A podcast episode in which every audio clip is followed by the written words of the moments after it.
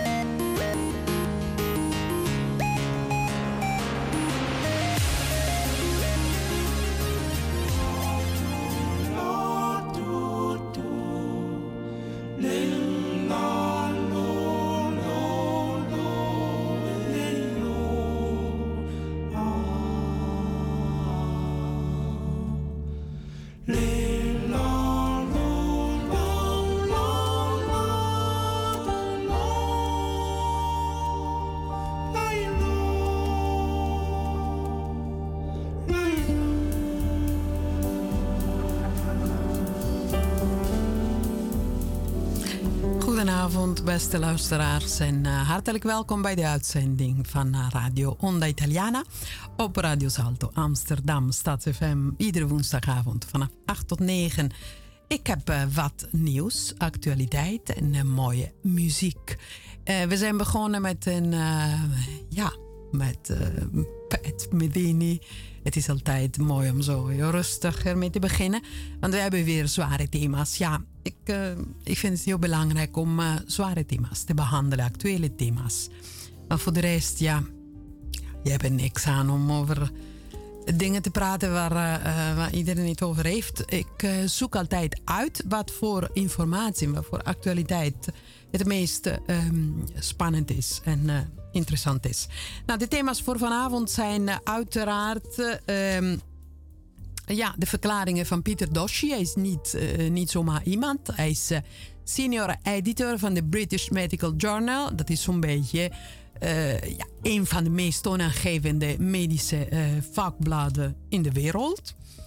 En wat hij beweert, hij zegt: gegevens moeten volledig en onmiddellijk beschikbaar zijn voor openbaar onderzoek.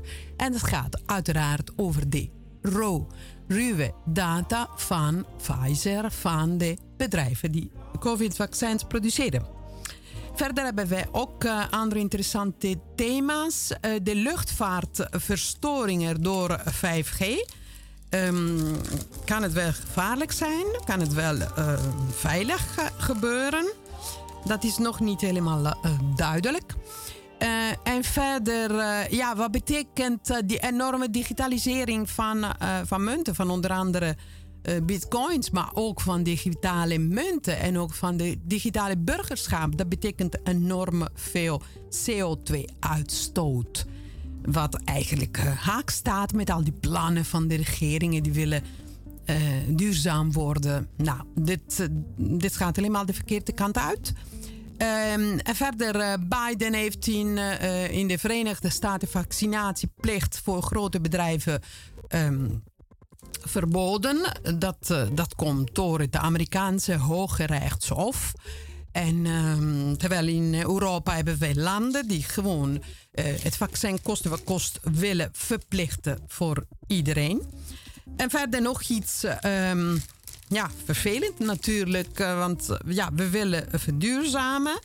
Maar wat doen we? We laten lege uh, vliegtuigen gewoon vliegen vanwege de belangen van de luchtvaart. Nou, dit, volgens mij mag dit niet. Of het is ontzettend hypocriet. Ja, waarom gaat Pat meteen een beetje happeren?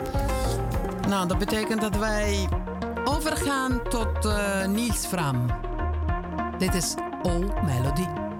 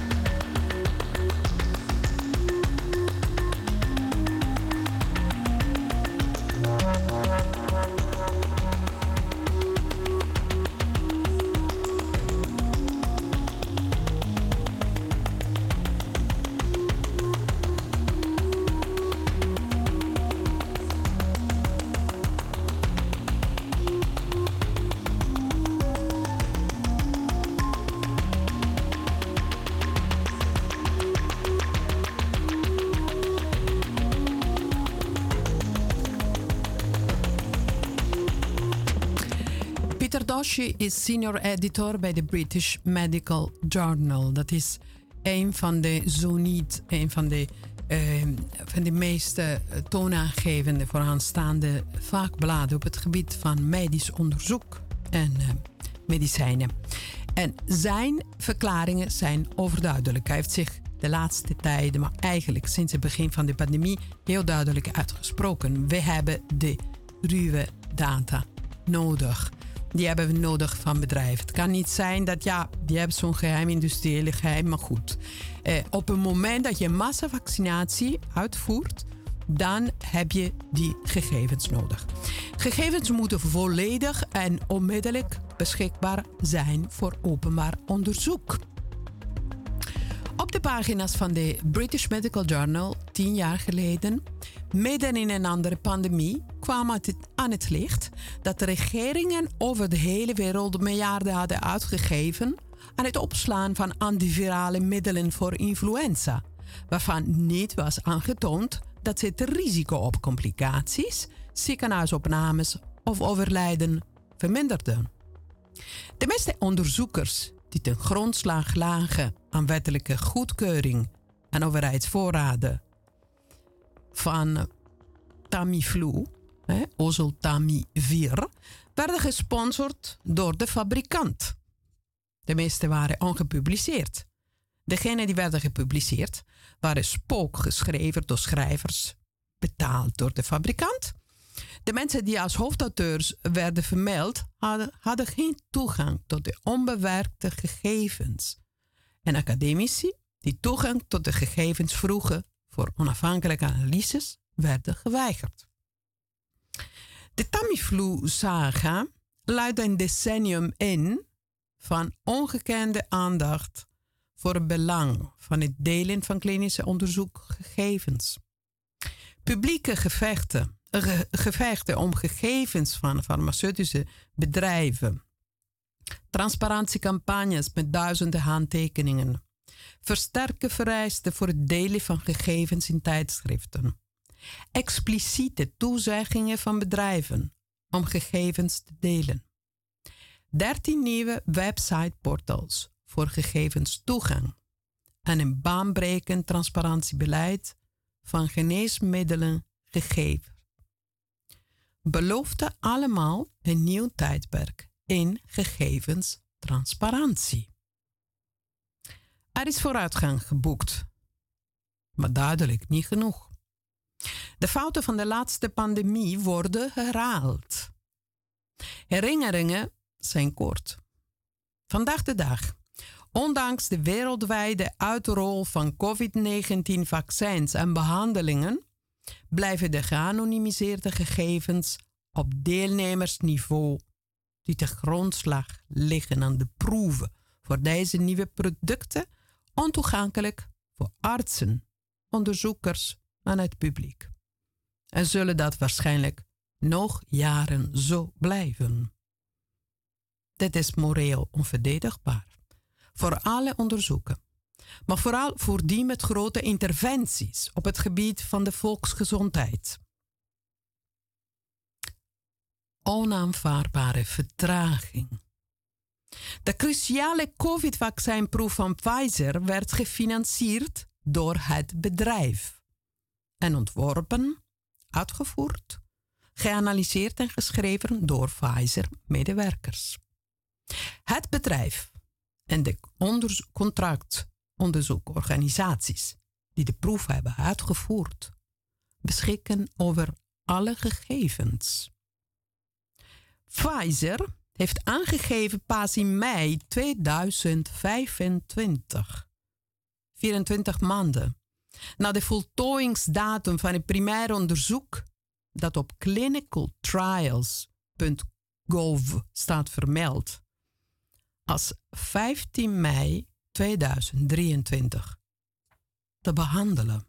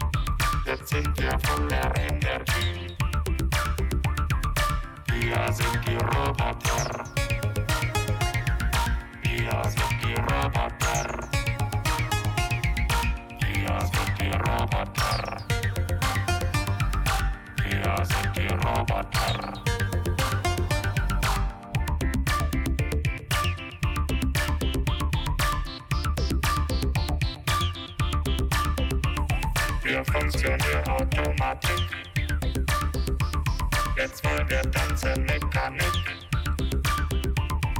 Wir sind die Roboter. Wir sind die Roboter.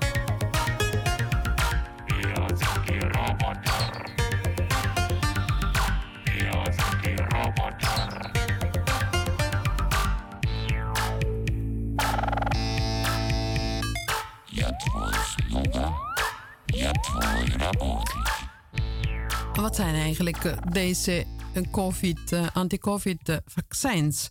Die zijn goedgekeurd, die zijn niet officieel niet goedgekeurd. Ze zijn toegestaan voor noodgevallen.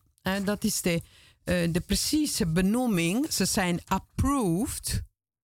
Ehm, eh, sorry, ze zijn emergency authorized en niet approved.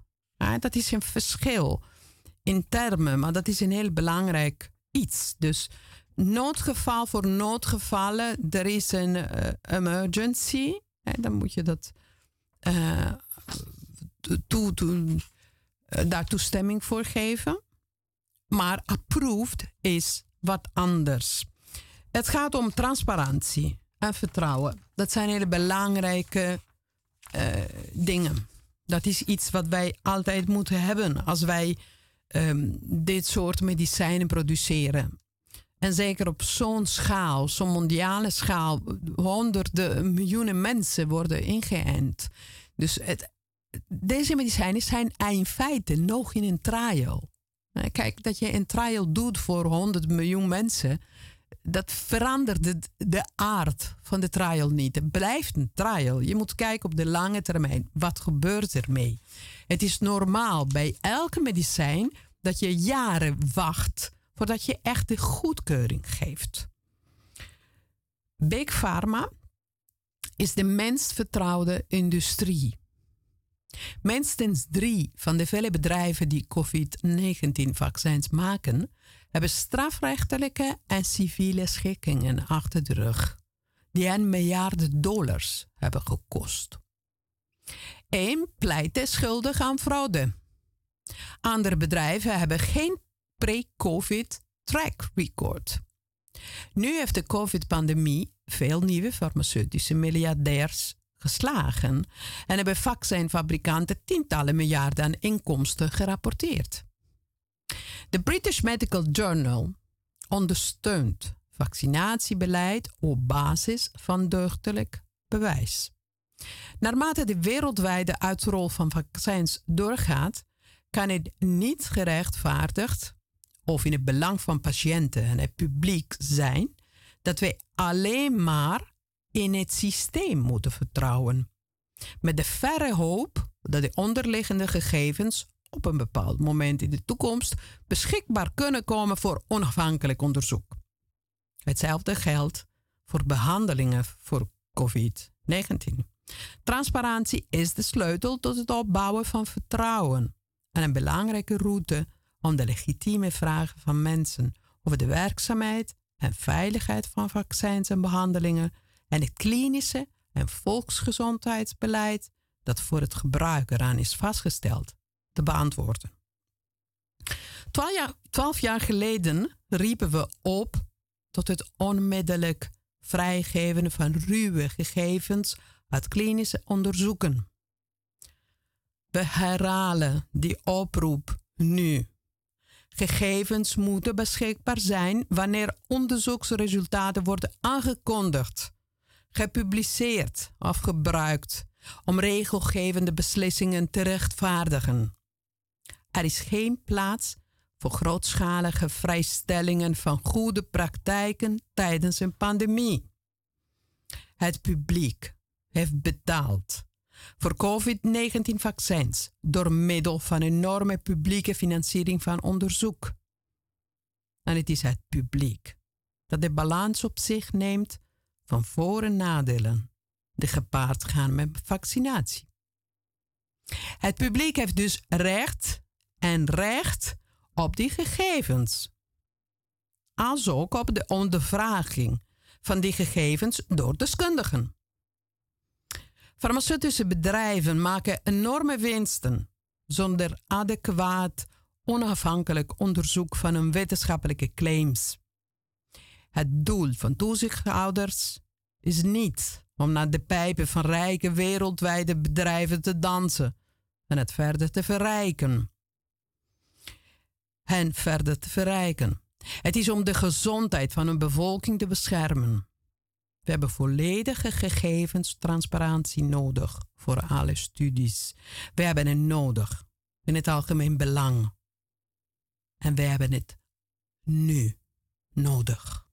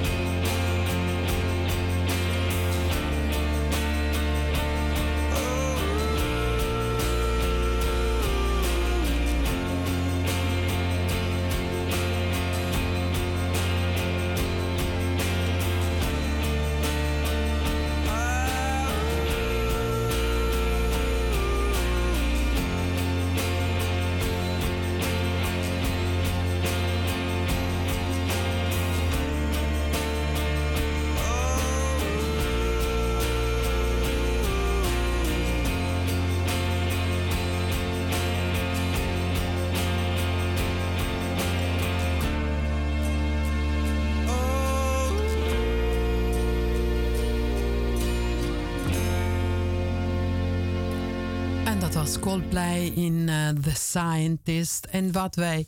Um, wat ik uh, gelezen heb, dat waren stukken uit uh, een artikel van Peter Doshi in de British Medical Journal. Een van de meest vooraanstaande vakbladen op internationaal niveau.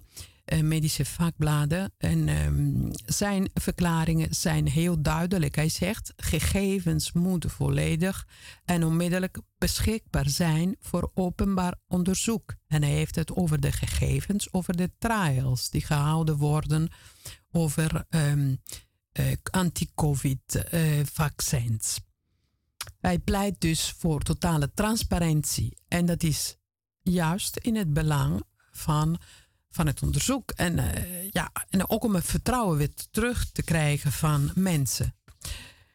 Um, verder, um, ja, ook een interessant onderwerp. Uh, natuurlijk luchtvaart en 5G.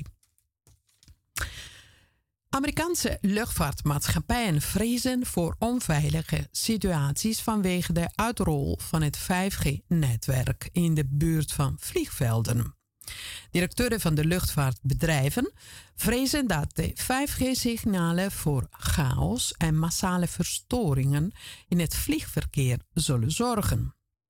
Daardoor zouden mogelijk tienduizenden Amerikaanse passagiers in het buitenland vast komen te zitten. Dat stond in een brandbrief die ondertekend is door tien directeuren, onder wie die van United Airlines en Delta Airlines. De bedrijven AT&T, AT&T en Verizon 5G introduceerden 5G in de Verenigde Staten. De luchtvaartmaatschappijen voorzien dat naast passagiersvluchten ook het vrachtverkeer en helikopters hinder zullen ondervinden. De vervoerders zullen moeite hebben om mensen, zendingen, vliegtuigen en bemanning op tijd op de juiste locatie te krijgen.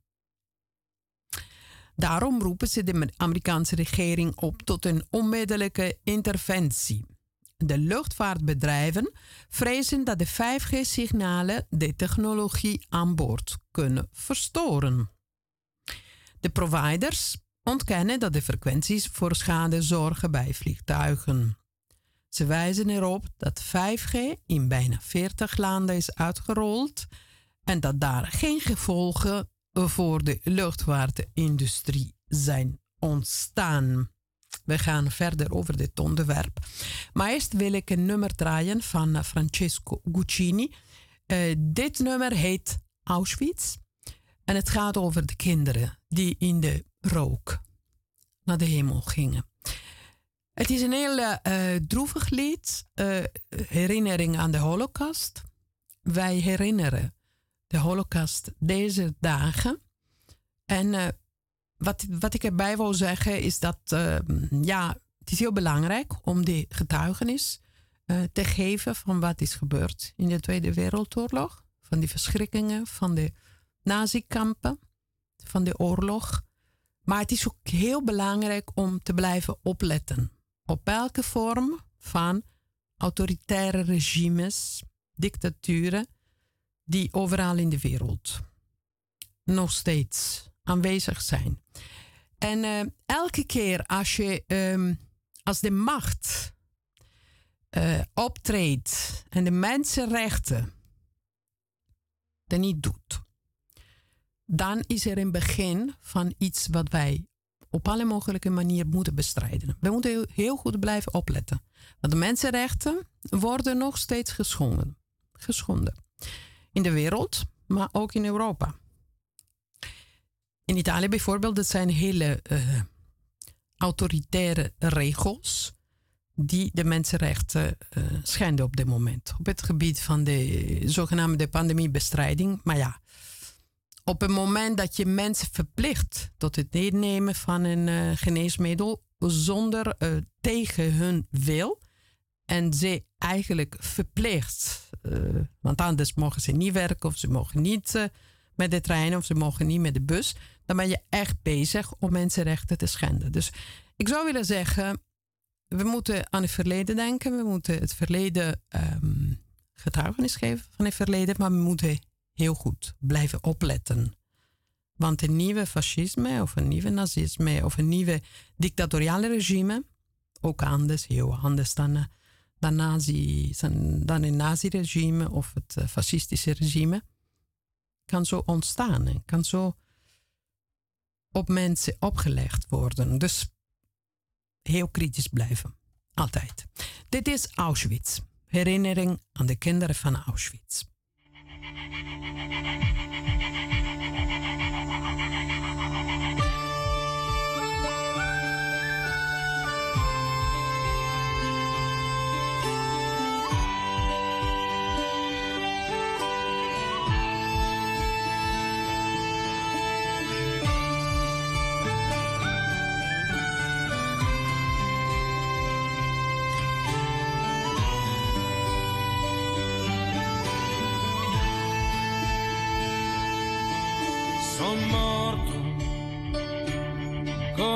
Altri cento son morto ero bambino. Passato per il cammino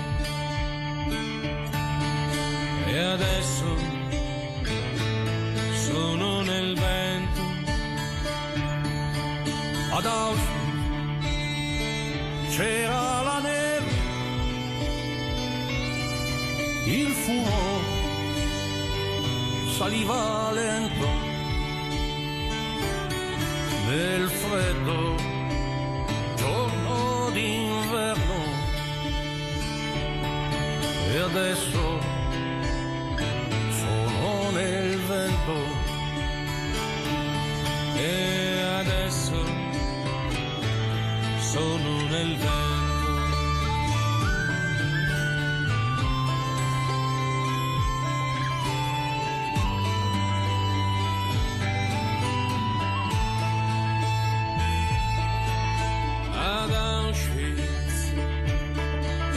persone, ma un solo grande silenzio. È riesco ancora a sorridere qui nel vento. Io chiedo come può l'uomo uccidere un suo fratello. Eppure siamo a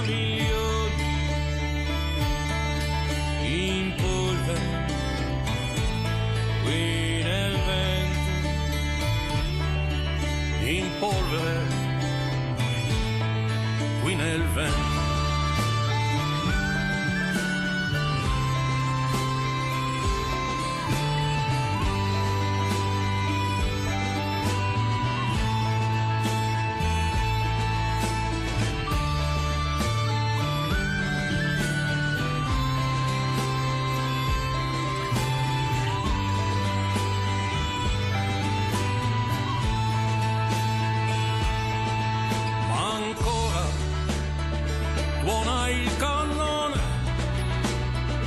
e ancora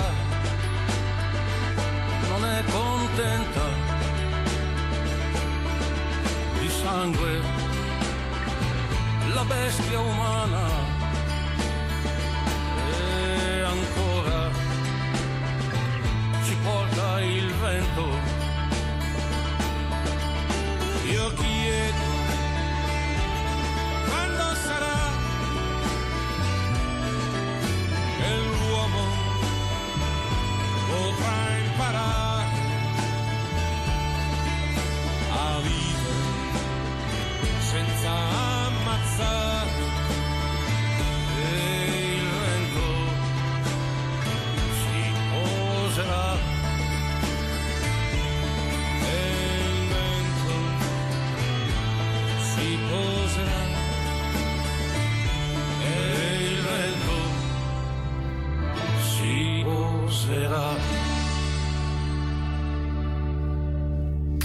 En dat was Francesco Guccini in Auschwitz, Kinderen in de Wind. En uh, herinnering en, uh, aan de kinderen van de Holocaust. Het is altijd belangrijk om uh, ja, weer te, te denken aan wat is gebeurd in de Tweede Wereldoorlog. Maar het is ook belangrijk om te weten waarom het begonnen is. Wat die verschrikkelijke theorieën over rassen, hoe die ontstaan zijn, hoe die bekostigd zijn, hoe die ondersteund zijn door de, de leiding, uh, leidende klasse, door de industrie, door de bankiers, door de multinationals. Dit is echt heel belangrijk, want die ideeën die circuleren nog steeds. Er zijn nog steeds racistische ideeën. Er zijn nog steeds eugenetische theorieën die vinden dat sommige rassen beter dan andere zijn.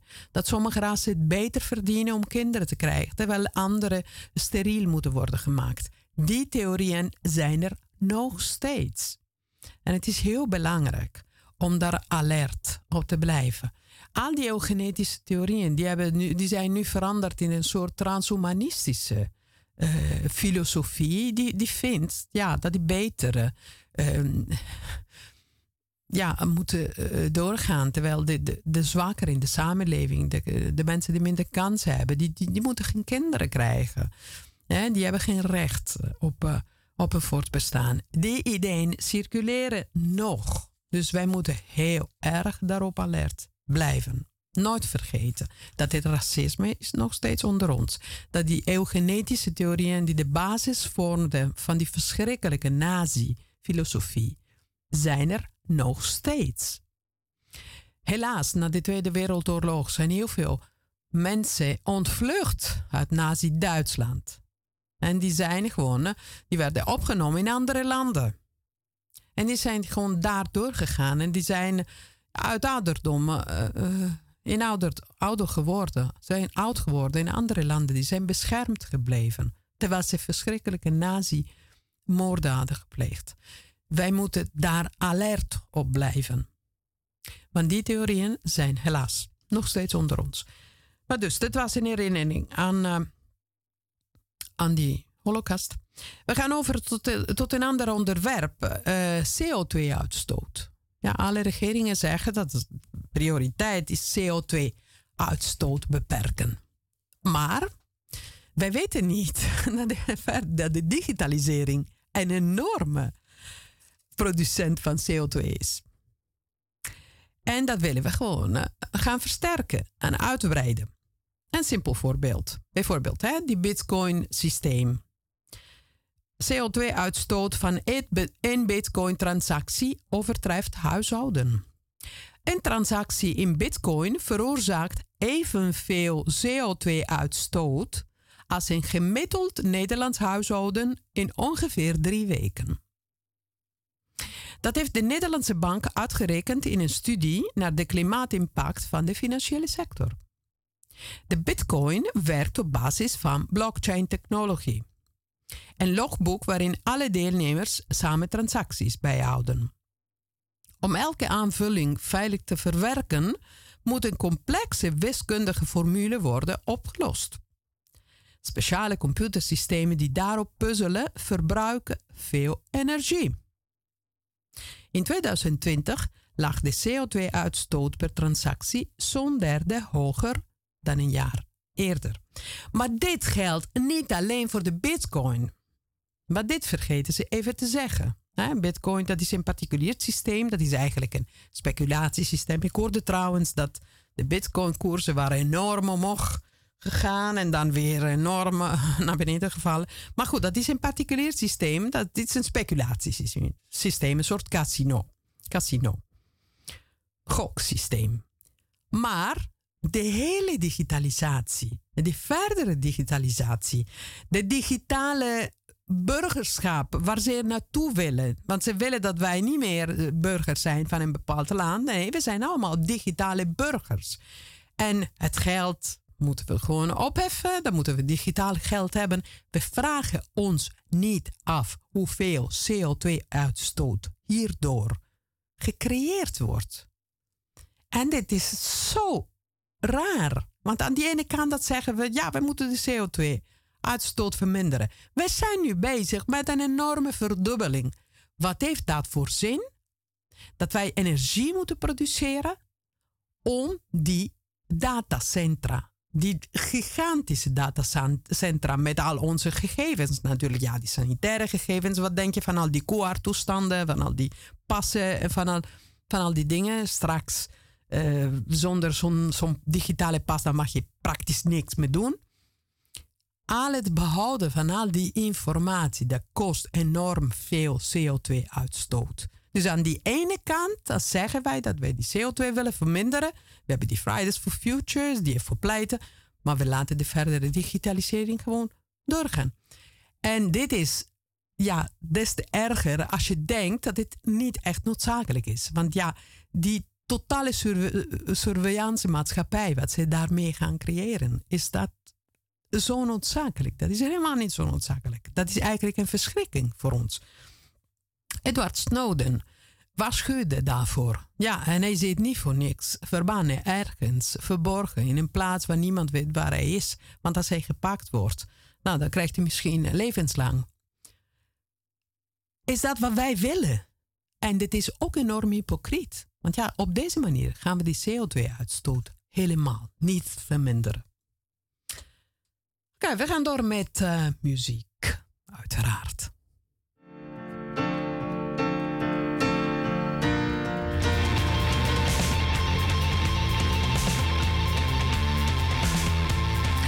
Dit is Draining van Silver Sun Pickups.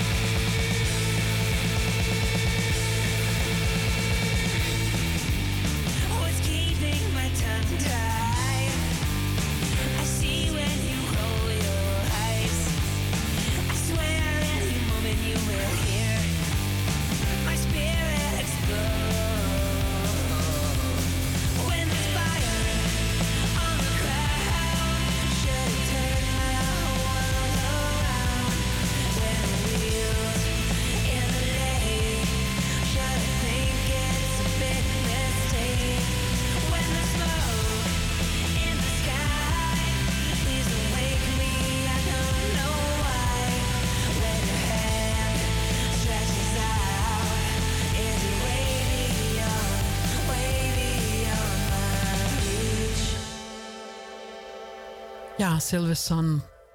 Pickups in Soorthof. En je zou denken, ja, een voordeel heeft deze pandemie gehad, deze coronacrisis. Er, wordt, er is veel minder gevlogen. Ja, mensen mochten ook niet eens vliegen. En vliegen is ook heel gevaarlijk natuurlijk vanwege die eh, besmettingsgevaar. Goed voor het klimaat, dat zou je denken. De burgerluchtvaart is verantwoordelijk voor 2 eh, tot 3 procent van de wereldwijde uitstoot van CO2. En ik geloof dat dit in Nederland ook veel meer is. Ja, we hebben Schiphol natuurlijk, wat heel veel transfervluchten ook uh, verwelkomt. Maar wat blijkt? Duizenden vluchten zijn gewoon doorgegaan en zonder passagiers. Nou, dat vind ik echt schandalig. Dat vind ik echt schandalig. Volgens de Belgische krant Le Soir deze winter zijn 18.000 onnodige vluchten alleen al door vliegmaatschappij Lufthansa door heel Europa gevlogen. Nou, ik, ik vind dit niet kunnen. Echt niet. Door de Europese regels moeten luchtvaartmaatschappijen minimaal een bepaald percentage van hun vluchten uitvoeren, anders mogen ze volgend jaar minder vliegen. Wat betekent dit? Kijk, wij hadden een voordeel, dus minder vluchten.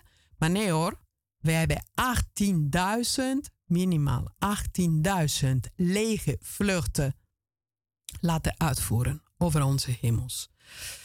Ik vind dat echt niet kunnen. Ik denk dat, ja, al die organisaties die zo hard roepen voor de, de, de, de, de, ecologische transitie en de Europese Unie en de Europese Commissie, ze moeten eerst gewoon serieus over dit soort dingen nadenken. Want anders kan het echt niet. Goed, we gaan luisteren naar een um, Liquid Days van Philip Glass. Dit is uitgevoerd door een virtual choir, een virtueel koor. En uh, het is natuurlijk, uh, ja, dus al die mensen thuis zaten en op Zoom waren ze aan het, aan het zingen. We gaan luisteren naar Liquid Days.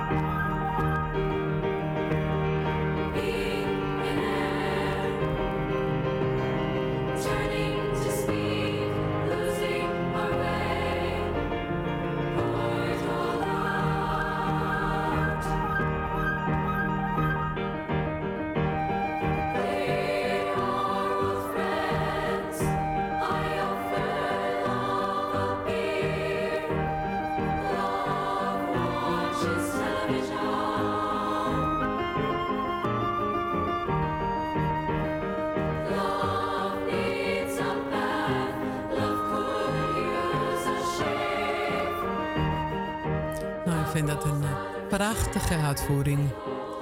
Het was een uh, virtuele koor van de Brooklyn Youth Chorus. Liquid Days van Philip Glass. Ze zongen allemaal in een eentje thuis met zo'n zoom en natuurlijk ja, hele goede techniek. Om ze allemaal tegelijk te laten klinken.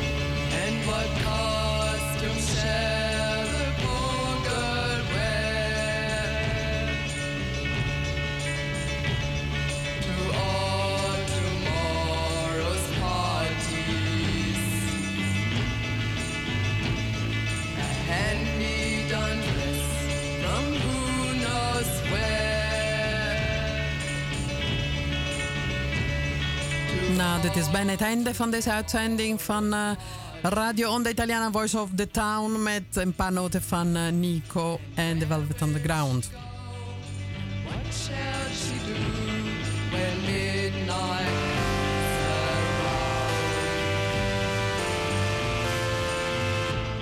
She